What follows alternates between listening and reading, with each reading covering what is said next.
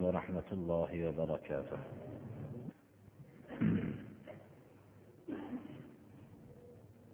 أعوذ بالله من الشيطان الرجيم. أيشركون ما لا يخلق شيئا وهم يخلقون ولا يستطيعون لهم نصرا ولا أنفسهم ينصرون. وإن تدعوهم إلى الهدى لا يتبعوكم سواء عليكم أدعوتموهم أم أنتم صامتون.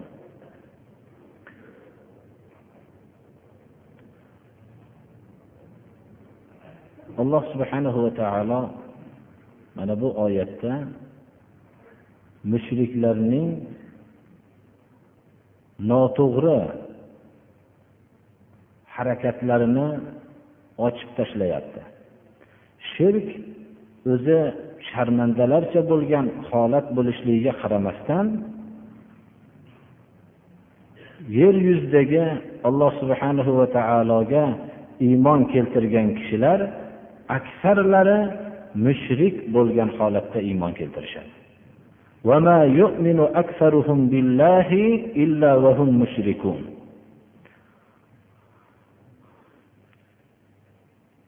Inson biror bir narsani ollohdan boshqa zot yaratgan deb e'tiqod qilmaydi.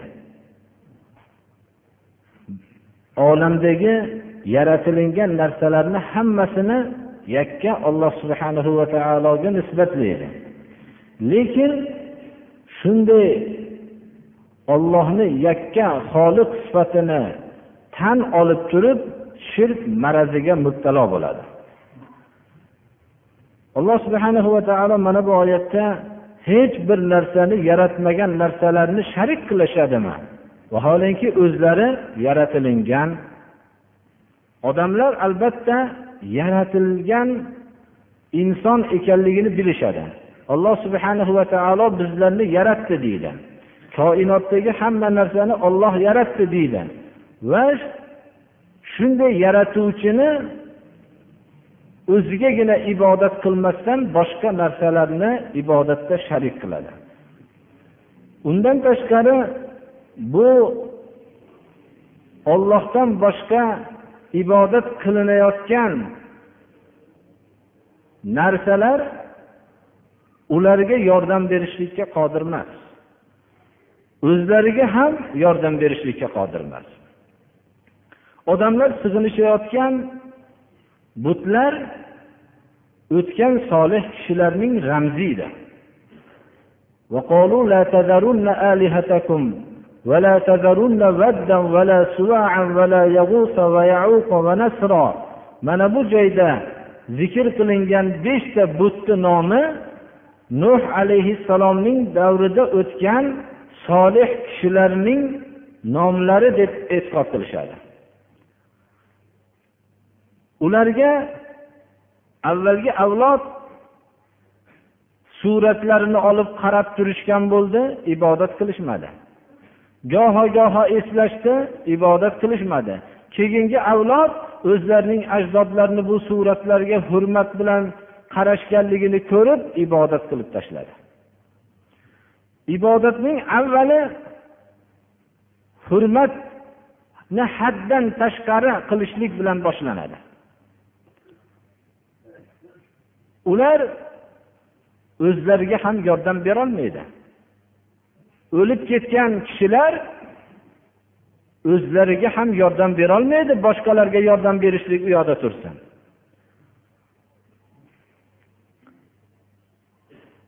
U ramzlar qilib suratlarini yoyinki haykallarini olgan olingan kishilar o'zlariga ham yordam berolmaydi. Bu haykallarning o'zlariga mutlaqo yordam bermayotganligini hamma ko'radi. Lekin bular oldiga borib odamlar sig'inishadi. Sig'inish birodarlar faqat sajda qilib ibodat qilishlikni o'zigagina cheklangan emas. Shular oldida nazrlar qilish shularga ba'zi bir qurbonliklarni qilish va shularni oldida o'zining ma'lum bir rasmiy mavsumlarni o'tkazish shu haykalu suratlarga ibodat qilishlikdir. U odamlarga yordam berishlikdan tashqari o'zlariga ham yordam berolmaydi. Alloh subhana va taolo mana bu oyatda ularga hech qanday yordam berishlikka qodir emas ular o'zlariga ham yordam berishlikka qodir emas deydi. Uzoq yillar odamlarga ma'bud bo'lib kelgan haykallar qo'lini ko'targancha tushirolmasdan yo'qolib ketdi. U oyog'ini bir uzatganicha ikkinchi qadamini uzatgani yo'q shu qadamni yerga qo'ymasdan yo'qolib ketdi. Mana bu narsalar har qanday hasharotlar qo'nsa ularni hech qanday o'zidan daf qilolmaydi u haykallarning hammasini burnidan kirib ko'zidan qulog'idan chiqib ketaveradi. U haykal oldiga borganlarga yordam berishlik yoqdan tursin o'zlariga ham yordam berolmaydi. Lekin shunday sodda oddiy kimsalar ham tushunishligi mumkin bo'lgan haqiqat juda ko'p kishiga ma'lum bo'lmasdan boraveradi. Alloh subhanahu va taolo shuning uchun fikr qilishlikka chaqiradi.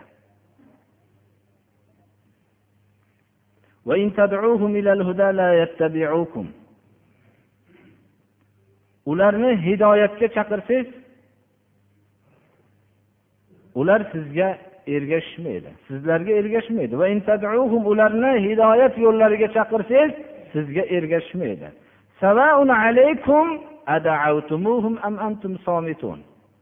Ularni chaqiringu xomush turing ularga bab barobardir gapingiz bilan gapirmay turishligingiz farqi yo'q u. Sig'inilayotgan suratu haykallarga nisbatan. Ba'zi mushriklar hujjat qilishardiki biz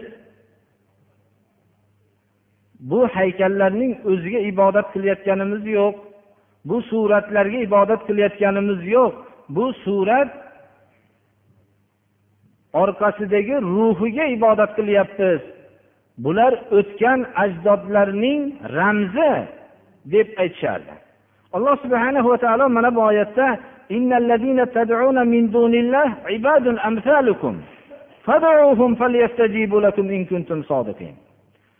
mozorlar oldiga borib madad so'rayotgan kishilar ulug' zotlar edi deb. Suratlar yoyinki haykallar oldiga borib katta yordam so'rayotgan kishilarga alloh taolo mana bu xitobni qilyaptiki ollohdan boshqaga sizlar sig'inyapsizlar. Bu sig'inilayotgan ma'budotinglar sizlarga o'xshagan bandalar edi. Ularni chaqiringlar. Sizlarga ijobat qilsin agar davoiylarda sodiq bo'lsanglar. Alahum arjulun yamshuna biha.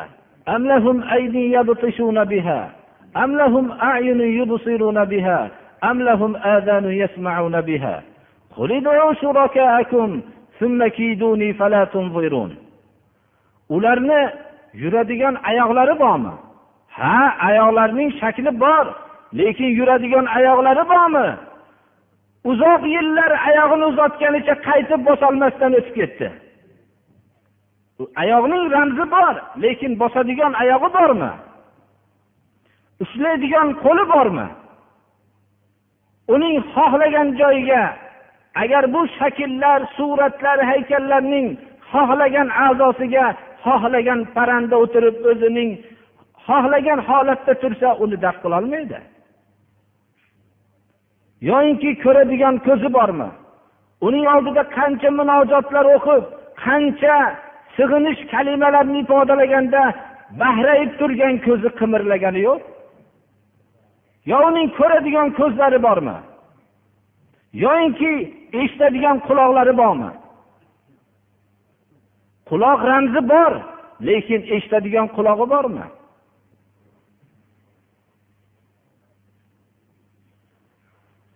Mana bu oyat shunga dalolat qiladiki butlarning hammasi har qanday solih kishilarning ramzi bo'lishligidan qat'iy nazar hech qanday o'ziga foyda ham yetkazolmaydi. Boshqaga foyda zarar yetkazishlik yo'lida tursin. Alloh subhanahu va taolo rasulining sollallohu alayhi vasallam qalbidagi itminonni bildirib ayting sizlar sig'inilgan shu ma'budotlaringlarni hammasini chaqiringlar. Menga bor tadbiru nayrang firiblaringlarni ishlatinglar. Menga muhlat bermanglar deb e'lon qiling deydi alloh taolo. Odatda payg'ambarlarga va payg'ambarlarga ergashgan kishilarga qiyomatgacha voy bu sizlar sig'inayotgan bu ma'budotlar foyda ham zarar ham yetkazolmaydi. Sizlar bu mozorlarga borib sig'inishinglar shirk bu. Sizlar mozorlarga borib ularning mo'minlarni haqqiga duo qilib ularning gunohlarini olloh mag'firat qilishligi haqida duo qilinglar. Ulardan madad so'ramanglar. Madad so'rashlik shirk desa sen bilib qo'ygin ammo bir joying bir narsa bo'lib qoladi deb qo'rqishadi. Payg'ambar sollallohu alayhi vasallamga alloh taolo buyuryaptiki chaqiringlar shu shurakoilarni hamma sig'inilayotgan butlaringlarni chaqiringlar. Butun firib nayrang tadbiringlarni ishlatinglar deng. Ba'zi vaqtda ular ammo senga uch kun muhlat beramiz kuningni ko'rib qolasan shun degan vaqtlarda uch kun muhlat emas hozir shu narsani zararni yetkazinglar deb e'lon qiling deyapti alloh taolo. Mana bu oyatdan payg'ambarlarning yo'li da'vat qilayotgan kishi o'zining yo'liga shunday qattiq ishonchda bo'lmoqligi kerak.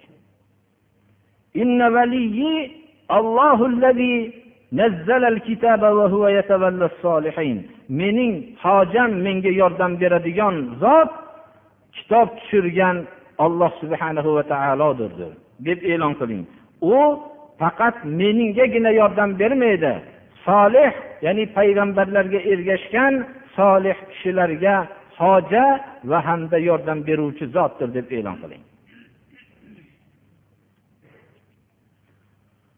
والذين تدعون من دونه لا يستطيعون نصركم ولا أنفسهم ينصرون وإن تدعوهم إلى الهدى لا يسمعوا وتراهم ينظرون إليك وهم لا يبصرون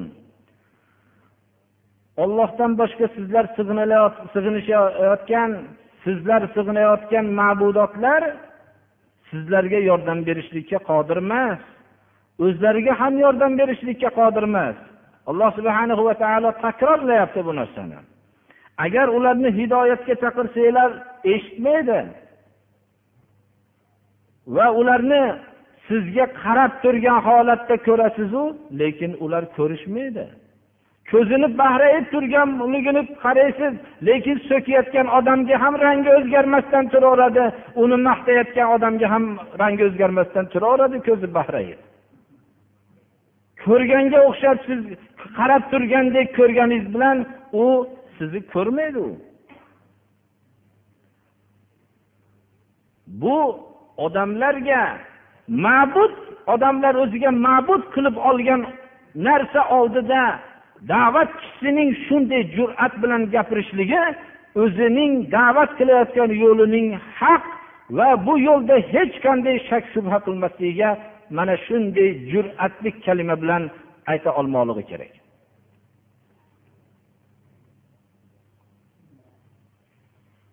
Inson tabiatida darslarimizda ko'p aytamiz sig'inish bu fitratdir.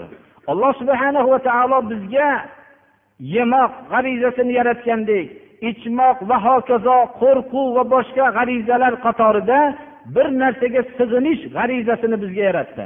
Agar inson islom ko'rsatmasi asosida ollohning o'zigagina sig'inib yashamas ekan u qandaydir bir narsa topib olib sig'inishlikka o'zini majbur qiladi.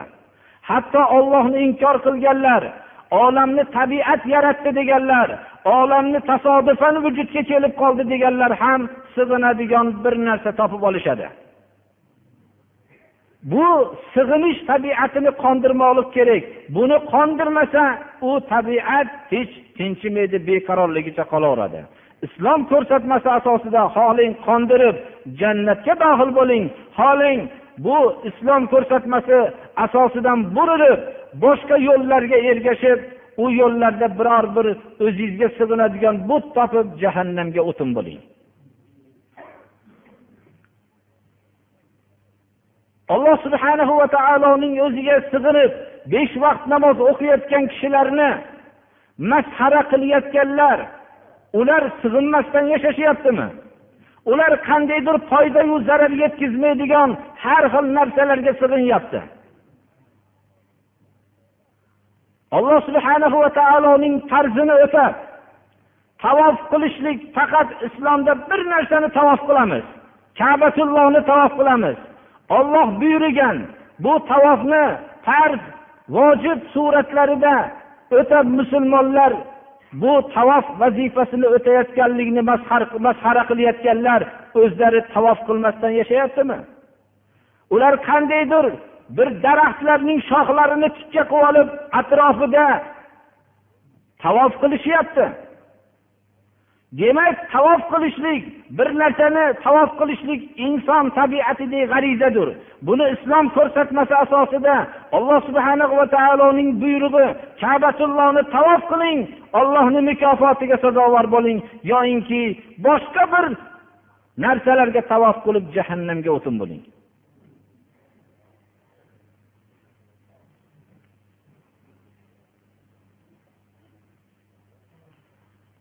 Shuning uchun ham biz islom ne'matini juda ham bilmoqligimiz kerakki islom ne'mati inson tabiatida alloh subhana va taolo tarafidan yaratilgan hamma g'arizaga to'g'ri javob bergan.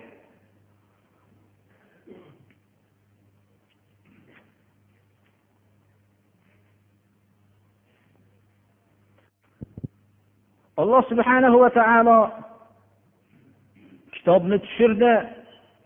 Bu kitobni tushirishlik bilan o'zining do'stlariga yordam berdi va solihlarga qiyomatgacha yordam beradi.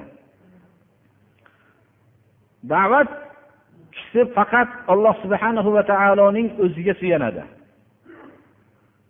Agarki da'vat kishisi alloh subhana va taoloning madadiga yordamiga nihoyat darajada qattiq ishonadi uning boshiga musibat har qancha qattiq bo'lsa ham. Abu bakr roziyallohu anhu islom avvalida mushriklar abu bakr roziyallohu anhuga ozor berishdi.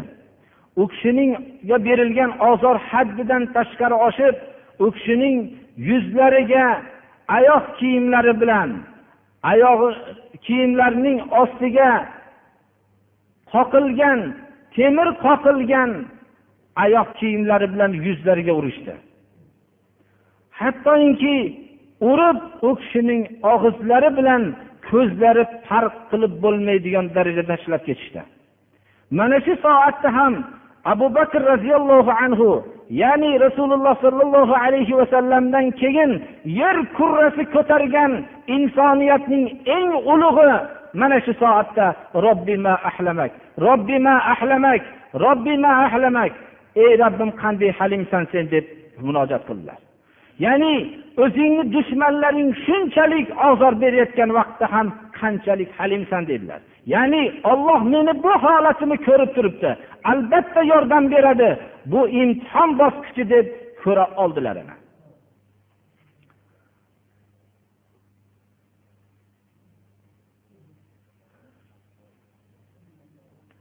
abdulloh ibn masud roziyallohu anhu birinchi bor makka mushriklariga qur'onni eshittira olgan jur'atli sahobalardan. Kim qur'onni oshkor o'qisa jazosi qatl bo'lardi. Shuning uchun qur'onni birinchi marta makka mushriklariga eshittirgan zot abdulloh ibn masud roziyallohu anhu bo'ladilar. Kabatulloh oldiga kelib qur'onni tilovat qila boshladilar. Shunda makka mushriklari nihoyat darajada qattiq bir ozor berib urishdiki u kishi tikka turolmaydigan holatda bo'lib qoldi. Shunda shu vaqtda ozor vaqtida shu holatdalarda ham menga bular nihoyatda bir kuchsiz insonlardir. Chunki meni suyangan zotim alloh subhanahu va taolo dedilar. Mo'min kishi o'zining boshiga har qanday musibat da'vat yo'lida yetib turgan vaqtda ham allohning madadiga shunday ishonallashligi kerak.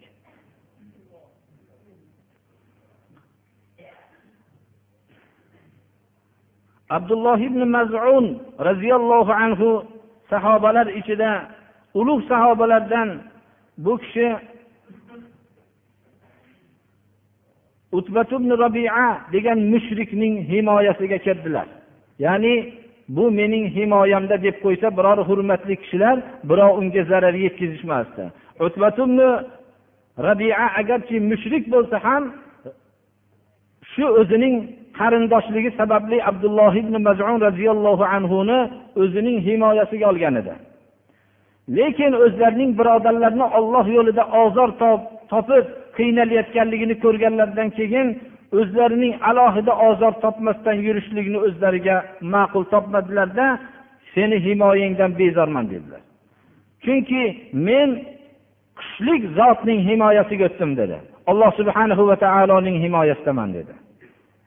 Makka mushriklari utbatun rabia mushrikning himoyasidan chiqqanligini bilishgandan keyin abdulloh ibn mazunni ko'p ozor berishdilarda hattoki bir ko'zlarini ko'rmaydigan qilib qo'yishdi.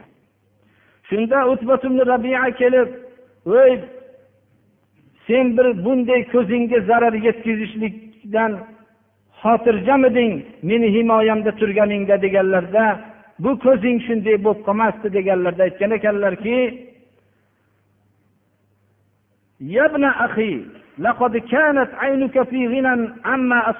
boshingga yetgan bu musibatdan bu ko'zing xotirjamidi meni himoyangda meni himoyamda bo'lganingda deganlarda aytgan ekanlarki la vallohi lal bu ko'zim ham u ko'zimga hasad qilyapti ollohni yetgan musibati bunga yetdiyu menga yetmadi deb degan ekanlar inson o'zining da'vat yo'lida mana shunday ishonch bo'lmoqligi kerak birodarlar.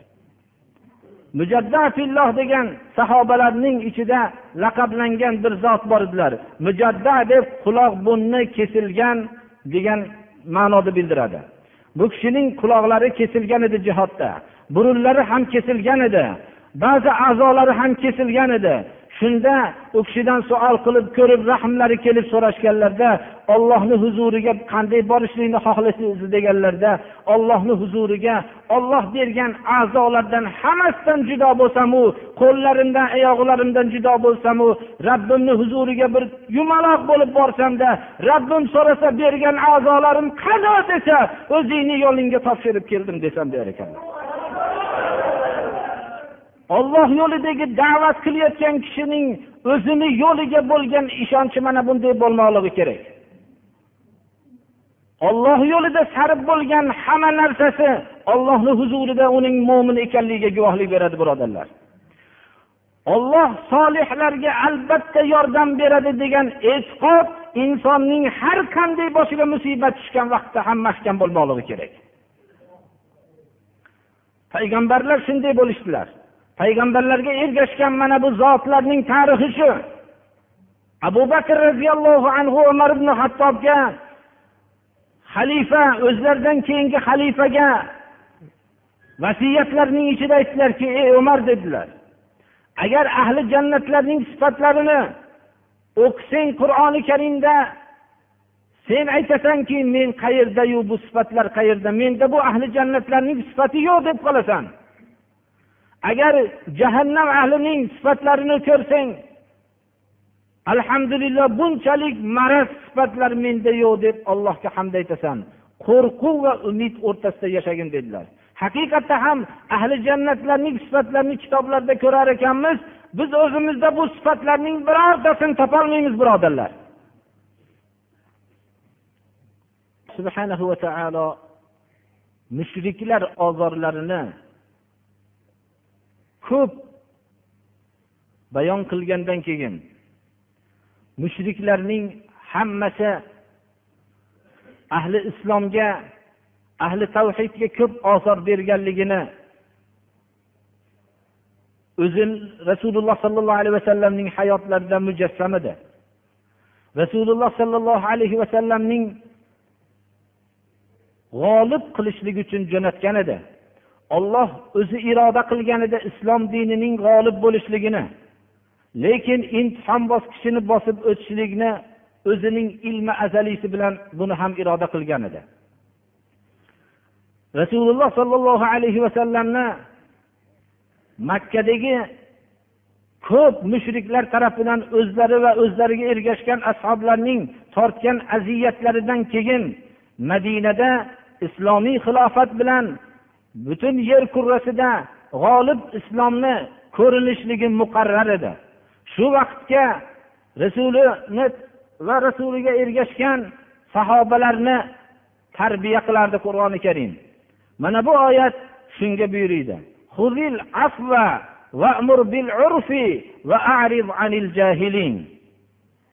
Afvni ushlang. Ya'ni afv nima? Inson birovga qodir bo'lsa qodir bo'lib turib uni kechirishlikni afv deydi. Inson bir toifalardan ko'p ozorlar ko'rgandan keyin islomda o'zining haqiqati ma'lum bo'lib g'olib bo'lgandan keyin ularga qodir bo'lgan vaqtda olloh saqlagan kishilargina undan shaxsiy o'ch olishlikdan o'zini tiyadi. Bo'lmasam endi biz ko'p ozorlar tortdik endi bir o'ch olmoqligimiz kerak deb qoladi har qanday inson. Rasululloh sollallohu alayhi vasallamga alloh taolo huzil afva afvni lozim tuting. Afv qodir bo'lgan kishining kechirishligidir qodir bo'lmagan odam kechirsa buni afv demaydi birodarlar. Uning kechirmaslikdan boshqa iloji ham yo'q. Kichik ko'ngil bo'lgan odam katta odam kichik ko'ngillik qilsa uni kichik ko'ngillik deyiladi. Gaday agar kichik ko'ngillik qilsa uning boshqa chorasi ham yo'q. Tavozu zinik mardon nikos yadogar tavozu kunat xo'yi o'st tavozu kichik ko'ngillik katta odamlar kichik ko'ngil bo'lib kamtar bo'lsa buni kamtar deymiz. Gaday agar kamtarlik qilsa uning fe'lidir. Uning ishi shu kamtarlik bilan yuradi. Shuning uchun ham qodir bo'lib turib biror bir kishini har qanday ilman uni yengishlikka jismonan yengishlikka nutqan yengishga qodir bo'lib turib uni kechirishlik haqiqiy kechirishlikdir.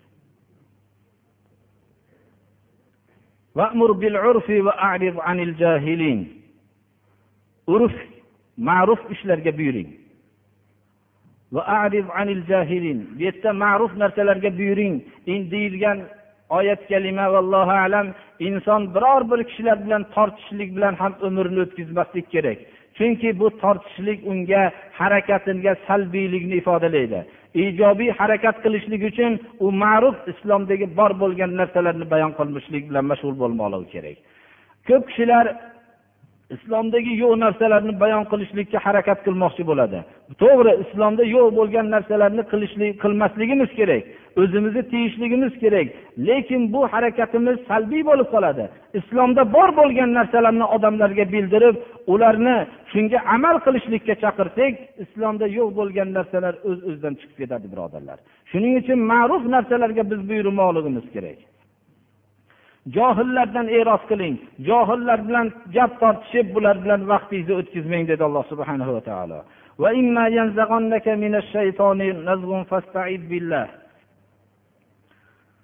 Sizni shayton tarafidan biror bir vasvasa sizni o'zingizga o'ziga tortsa ollohdan panoh isting. Inson birovlar bilan jang qilayotganda raqiblari bilan jang qilayotgan vaqtda shayton bu soatda foydalana boshlaydi. U bir haqorat kalimalari bilan so'ksa bu ham haqorat kalimalari bilan so'kish bilan ovurib bo'ladi. Uni o'rniga haqiqiy islomni unga bayon qilinganligi ma'quldir. Shayton biror bir vasvasa bilan sizni o'ziga tortsa siz ollohdan panoh istang innahu samiun alim. Alloh subhanahu va taolo eshituvchidir. johillarning johilligini eshitib turuvchi zotdir haqiqiy da'vat egalarining ko'tarayotgan musibat ozorlarni ko'tarayotganligini bilib turuvchi zotdir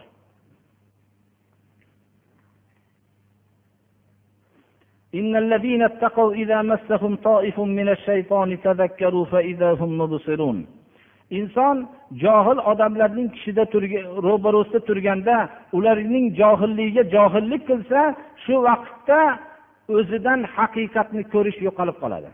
Alloh subhana va taolo mana bu oyatda taqvo qilgan kishilar agar ularga shayton tarafidan biror bir hayol ularni ushlab qolsa tazakkaru ollohni yodlariga olishadilar. Ollohni yodlariga olishlik bilan qarabsizki ular haqiqatni ko'rib turishadilar. Inson johillikka johillik bilan javob qaytarishligi bilan haqiqatni ko'rishlikdan mahrum bo'ladi.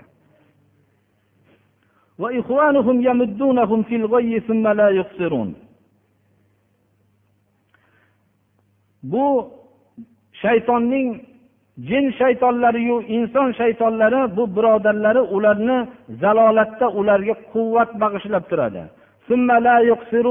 Ular hech bunda suskashlik qilishmaydi. Doim zalolat to'g'risida madad berib turadi. Inson ajabki agar bir zalolat yo'lida har qancha bir xatolar bo'lsa unda zerikmasdan shunga charchamasdan qilib ketaveradi. Agar bir savobli ish bo'ladigan bo'lsa darrov u charchab uyqusirab charchashlik yoinki bunga dang kasallik olaveradi. Nima uchun shunday?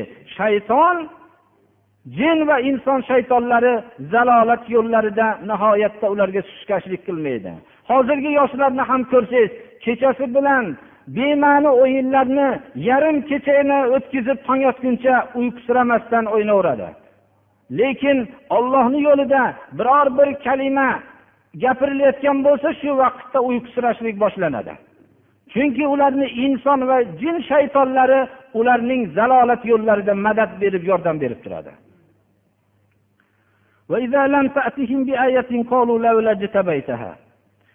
Makka mushriklari va boshqa mushriklar rasululloh sollallohu alayhi vasallamdan mo'jiza talab qilishardi. Shunday bir mo'jizalarni bevosita keltirsangiz deyishardi. Agar ularga mo'jiza olib kelmasangiz aytishadiki robbingizdan qattiq talab qilmabsizda shu mo'jizani deyishadi. Men sizlarga mo'jiza olib kelgani payg'ambar bo'lib kelganim yo'q deng. Balki men o'zimga rabbim tarafidan vahiy qilinayotgan vahiyga ergashaman xolos deb javob bering.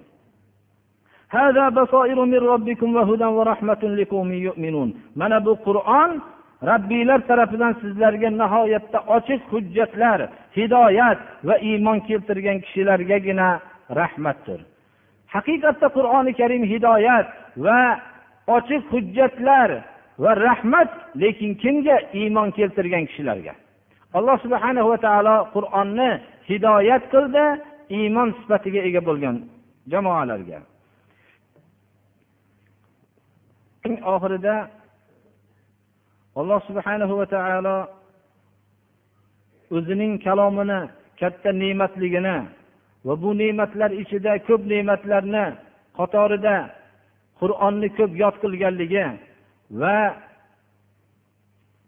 ollohning yagona mo'min kishining hojasi yordam beruvchi sifatini rasululloh sollallohu alayhi vasallamga xususan e'lon qilib e, ayting إن وليي الله الذي نزل الكتاب وهو يتولى الصالحين ayting ey muhammad alayhissalom mening hojam va yordamchim ollohniki kitob tushirgan ollohdir deng haqiqatda ham kitob qur'oni karim rasululloh sollallohu alayhi vasallamga va u kishiga ergashgan kishilarga juda katta bir ollohning madadidir mana bu madadi ekanligini inson johiliyat bosqichida ko'p uzoq vaqtlar yashagan bashariyat tarixiga nazar tashlasa nihoyatda yaxshi tushunadi. Chunki bashariyat nechi ming yillardan beri qur'onga va hadisga suyanmaganligi sababli zalolat yo'llarini ixtiyor qilib bashariyatning umrini o'tkazib kelmoqda. Nechi yillarning zalolatni bashariyat qurboni bo'lib kelyapti. Haqiqatda alloh subhana va taolo dunyoyu oxiratdagi saodatni ko'rsatgan qur'onni nozil qilishligi o'zining bandasiga juda katta bir yordamidir. Solih odamlarga ham alloh subhanahu va taolo hoja va ularga yordam beradi. Kitobni tushirishlik bilan bo'lgan yordami nihoyat darajada cheksizdir. Mana bunday kitob nozil qilingan bo'lsa bu kitobni nihoyatda ehtirom qilmoqlik kerak. Hatto bu ehtirom bu tilovat qilingan vaqtda xomush bo'lib quloq solinmoqligi kerak استعيذ بالله وإذا قرئ القرآن فاستمعوا له وأنصتوا لعلكم ترحمون qur'on o'qilgan vaqtda qur'onga quloq solinglar istimo bu tadabbur bilan quloq solmoqlikdir insof xomush bo'lib quloq solmoqlikdir qur'oni karimda jahannamga uloqtirilgan jahannam ahlidan so'ralganda sizlarga bir ogohlantiruvchi payg'ambarlar kelmaganmi? Desa ular kelgan. Biz ularning so'zlariga quloq solmaganmiz degan oyatda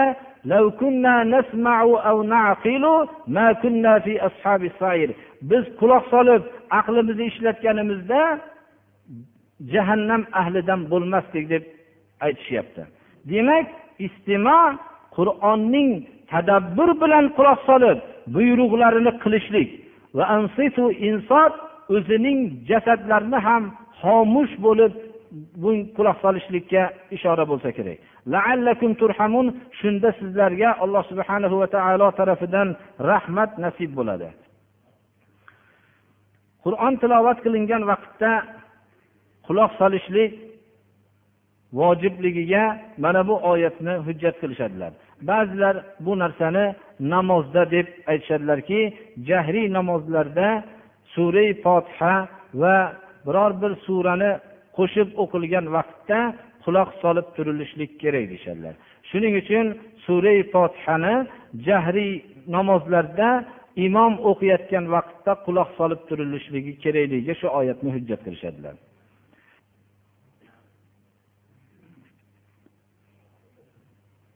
kofirlar qur'onga quloq solmaslikka targ'ib qilishardi chunki quloq solishlik ularning qalblariga ta'sir bag'ishlardi mana qur'oni karimda surai vallohu alam hamimiz sajdada لا تسمعوا لي وقال الذين كفروا لا تسمعوا لهذا القرآن والغوا فيه لعلكم تغلبون kofirlar aytishadiki bu qur'onga quloq solmanglar shovqin qilyoringlar qur'on o'qilayotganda shunda sizlar g'olib bo'lasizlar deydi.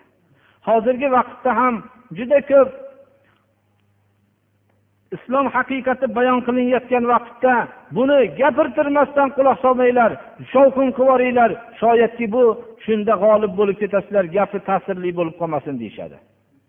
qur'oni karimni ta'siridan saqlanishlik uchun shovqin qilib yuborishardi kofirlar subhanahu va taolo rasulini bunday da'vat yo'lida musibat ozorlar yetgan vaqtda واذكر ربك في نفسك تضرعا وخيفة ودون الجهر من القول بالغدو والآصال ولا تكن من الغافلين ربيزي qalbingizda yod qiling. Yolborib va qo'rqib yod qiling. Robbingizni rahmatiga moyil bo'lib azobidan qo'rqib yod qiling. Erta va kechda shovqin qilishlikdan ko'ra ya'ni ovozni jahriya ko'tarishlikdan ko'ra pastroq suratda robbingizni yod qiling. G'ofillar jumlasidan bo'lmang. إن الذين عند ربك لا يستكبرون عن عبادته ويسبحونه وله يسجدون alloh subhanahu va taoloning huzuridagi maloikalar gunohi yo'q bo'lgan maloikalar ularning jannati ekanligi ular hech qanday mukallaf ya'ni ularda nafs bo'lmagan maloikalar ollohning ulug' ibadul mukrom deb o'zining kitobida yodgan u hurmatli bandalari rabbingizni huzuridagi shu maloika farishtalar ollohga ibodat qilishlikdan bosh tortishmaydi. Va ollohga tasbih aytishadi va ollohga sajda qilishadi. Bular bosh tortishmaydi bu narsadan. Sizlar ey insonlar osiy gunohlari ko'p bo'lib va yo jannat yo jahannam ikkita yo'ldan boshqa yo'l yo'q. Mana bunday kishilar rob taoloni ko'p yod qilmoqliklari kerak. Rahmatiga moyil bo'lib azobidan qo'rqib va alloh subhanahu va taoloni ertayu kechda yod qilishligiga ma'mur bo'lib turib bu buyurgan vazifani qilmasliklari nihoyat darajada bir qattiq bir musibatdir. Alloh subhanahu va taolo mana bu oyatda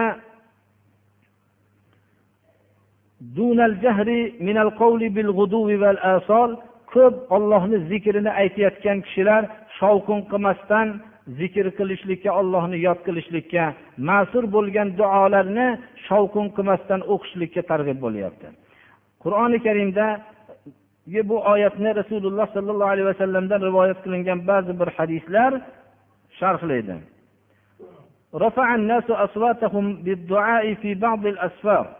abu muso ashariy roziyallohu anhu rivoyat qiladilar imom buxoriy va imomi muslimning jomi sahihlarida keltirilgan odamlar ovozlarini tovushlarini duo bilan ba'zi safarda juda ko'tarishdi shunda nabiy sollallohu alayhi vasallam aytdilarki ya ayyuhannas أربعوا على أنفسكم فإنكم لا تدعون أصم ولا غائبا إن الذي تدعونه سميع قريب أقرب إلى أحدكم من عنق راحلته o'zinglarga yengil olinglar.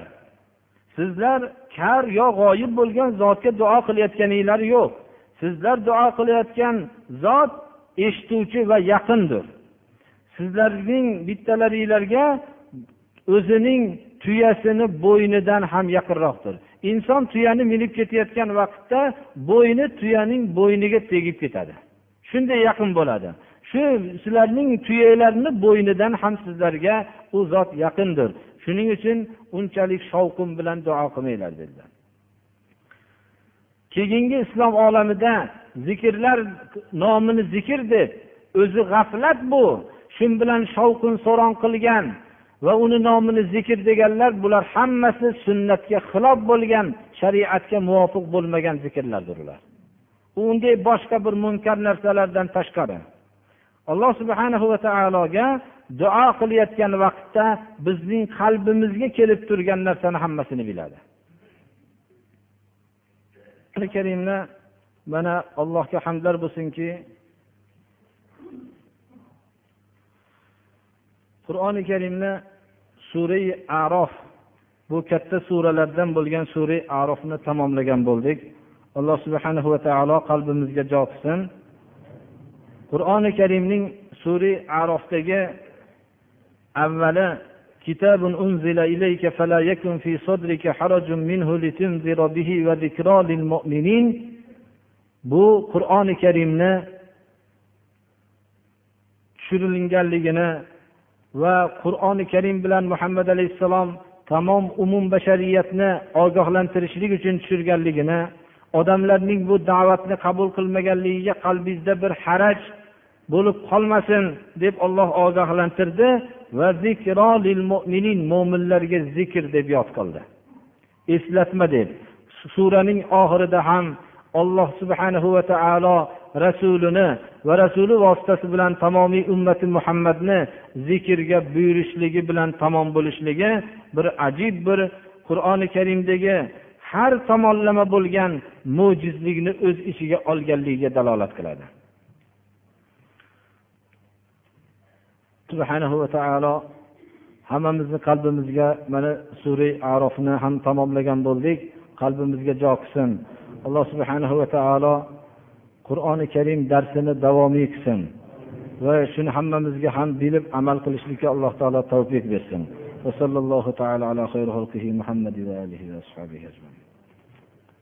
Abdurasul degan ism qo'ysa bo'ladimi deb so'rabdilar. Abdu kalimasini faqat asmoul husnoga ollohning ismlariga qo'shishlikgagina mumkin birodarlar. Abd qul degani banda ya'ni ollohnigina quli bo'ladi. Boshqa hech kimni quli bo'lmaydi. Shuning uchun bunday ismda bo'lgan odamlar nima qilishi kerak desa buni masalan bu ba'zi kishilar bu rasul degan ma'noda o'zi aslida rasululloh bo'lsa ollohning payg'ambari bo'ladi. Shunga qaraganda agarchi rasul degan nom yaxshi nom bo'lmasa ham lekin bu nom shariatga xilof nom ham emas. Masalan muhammad rasul deb aytilgan ma'qul bo'ladi. Ya'ni rasul degan ma'no bir yaxshilikni elchisi bo'lsin degan ma'noda niyatida qurilgan qo'yilgan bo'ladi. Ammo rasul payg'ambar deb aytishlikda rasululloh u kishi ollohni elchisi bo'lsa bu nom qo'yish mumkin emas bo'ladi. U kishi ikkinchi bir odamga qarz bergan bo'lsa shu qarz ma'lum bir muddatlardan keyin qaytarib bersa u pulni qadri hech ham yo'q vaqtida shu pulni miqdori bo'lsa shu vaqtda bu sotilayotgan do'konlarda tilloning shu bergan puliga necha miqdorda qancha miqdorda tillo do'konda bersa shu tillo do'konda berilgan tilloning narxini ana shu vaqtda beradi. Masalan aytaylik yigirma ming so'm pulga do'konda bir miqdor tillo berardi. Shu bergan tilloni u yigirma mingni endi qadri pastlab ketgan vaqtda olib kelib berdi. U to'g'ri bo'lmaydi.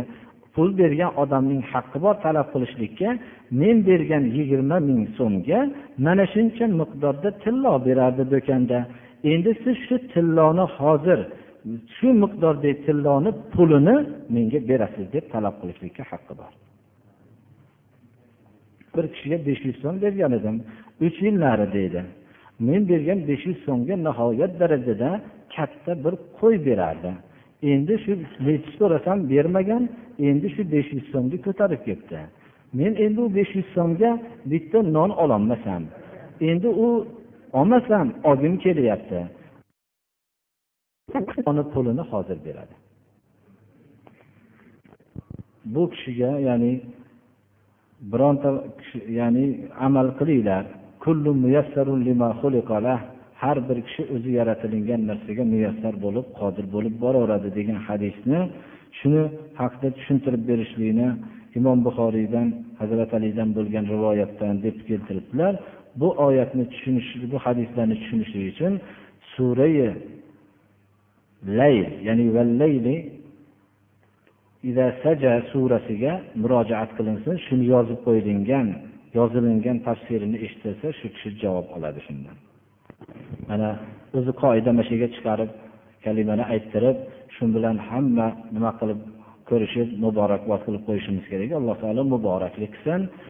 O'zining tug'ilgan kunidan beri shu kungacha yashagan kunning bugungi kuni eng baxtli kun hisoblanadi birodarlar. Alloh subhana va taolo muboraklik qilsin bu ne'matni va gunohlardan pok bo'lishlikni nasib qilsin. Alloh subhanahu va taolo islomga xizmat qiladigan kishilardan qilsin. وصلى الله تعالى على خير خلقه محمد وآله وأصحابه أجمعين alloh subhanahu va taolodan taqvo qilishlikka avvalo o'zimni va sizlarni vasiyat qilaman alloh subhanahu va taolodan taqvo qilishlik tavhidsiz mumkin emas tavhid استعيذ بالله وما خلقت الجن والإنس إلا ليعبدون oyati ham tavhidga tafsir qilingan Ya'ni meni vahdoniyatimni menga yakka menga ibodat qilishlik uchun yaratdim deydi alloh subhana va taolo. Alloh subhana va taolo buyurgan buyruqlarning eng birinchi asosiy eng kattasi tavhiddir. Alloh subhana va taolo qaytargan narsalarning eng kattasi shirkdir. La ilaha illalloh muhammadur rasululloh kalimasining asl ma'nosi ham ollohdan boshqa sig'iniladigan ma'bud yo'q deb iymonning birinchi rukni ifoda qilsa ya'ni sig'iniladigan zot ibodat qilinadigan zot yakka ollohdir bu ibodat ma'nolari nihoyatda mana avvalgi xutbalarimizda ko'p bayon qilganmizki ibodatning hamma turini alloh subhanahu va taoloning o'zigagina qilmoqligimiz kerak. Muhammadu rasululloh kalimasi rasululloh sollallohu alayhi vasallamning risolatiga guvohlik berish risolatini aytib qo'yishlik emas.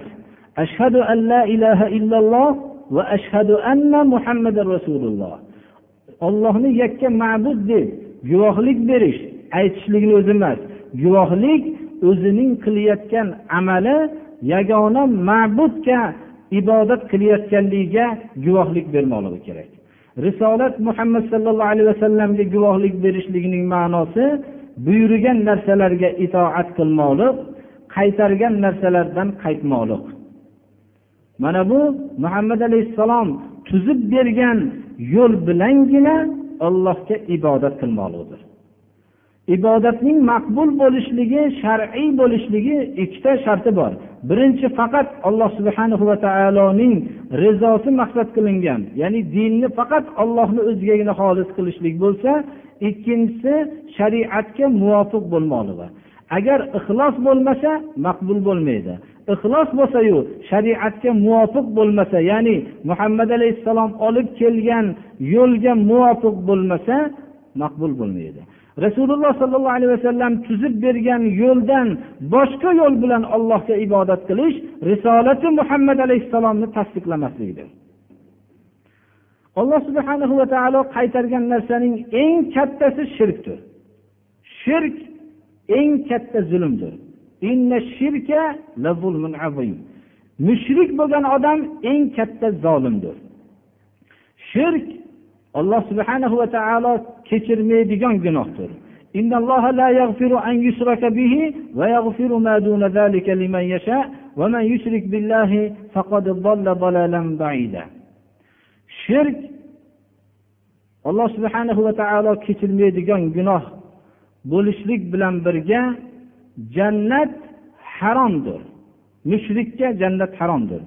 إنه من يشرك بالله فقد حرم الله عليه الجنة ومأواه النار abadiy suratda mushrikka jannat haromdir mushrik alloh subhana va taoloning hukmi islom barpo bo'lib turganda qoni haloldir فإذا انسلخ الأشهر الحرم فاقتلوا المشركين حيث وجدتموهم وخذوهم واحصروهم واقعدوا لهم كل مرصد فإن تابوا وأقاموا الصلاة فخلوا سبيلهم إن الله غفور رحيم mana bu oyat islom hukmi barpo bo'lib turgan vaqtda mushrikning qoni halolligini bildiradi kim shirk amalini qilgan bo'lsa go'yoki osmondan baland osmondan yiqilib mayda bo'lib ketibdida. Shamollar uning jasadini uchiradigan darajada qushlar uning jasadlarini cho'qib maydalab tashlaydigan bo'libdi. Inson agar bir balandlikda turgan bo'lsa shu balandlikdan tushib ketishlikdan nihoyatda ehtiyot bo'ladi. Ammo mushrik bo'lgan odam undan ko'ra eng baland joydan tushib shamol uning jasadlarini uchirib qushlar uning cho'qib maydalab tashlagan deydi. إنه من يشرك بالله فكأنما خر من السماء فتخطفه الطير أو تهوي به الريح في مكان سحيق shirk mushrik bo'lgan odam najasdir haramga kirishligi mumkin emasdir alloh subhana va taolo sura tavbada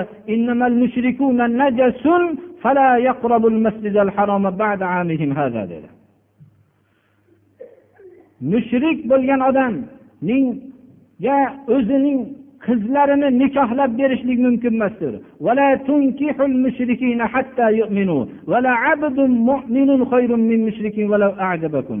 O'g'illar ya'ni o'g'il bolalar mushrik bo'lsa ularni turmush qilishligida qatnashib ularga sabab bo'lmanglar deyapti alloh taolo. Chunki mo'min qul u mushrikdan afzalroqdir agarchi mushriklarning dunyosi dabdabasi sizlarni ajablantirsa ham.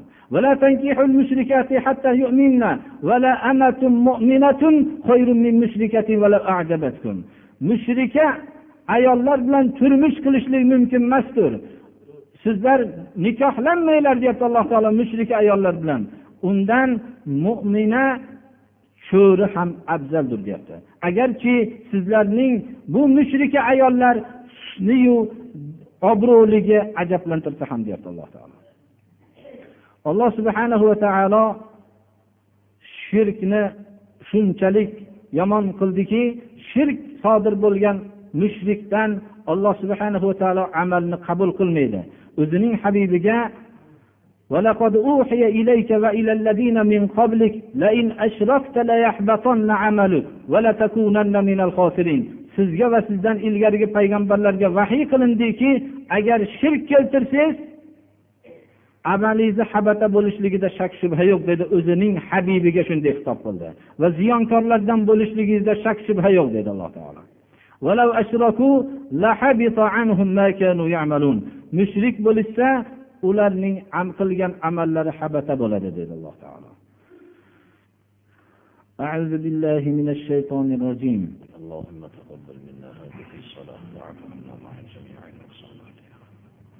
اللهم استرنا بسترك الجميل في الدنيا يا مقلب القلوب ثبت قلوبنا على دينك. يا مصرف القلوب صرف قلوبنا اللهم اهدنا إلى ما فيه صلاح وخير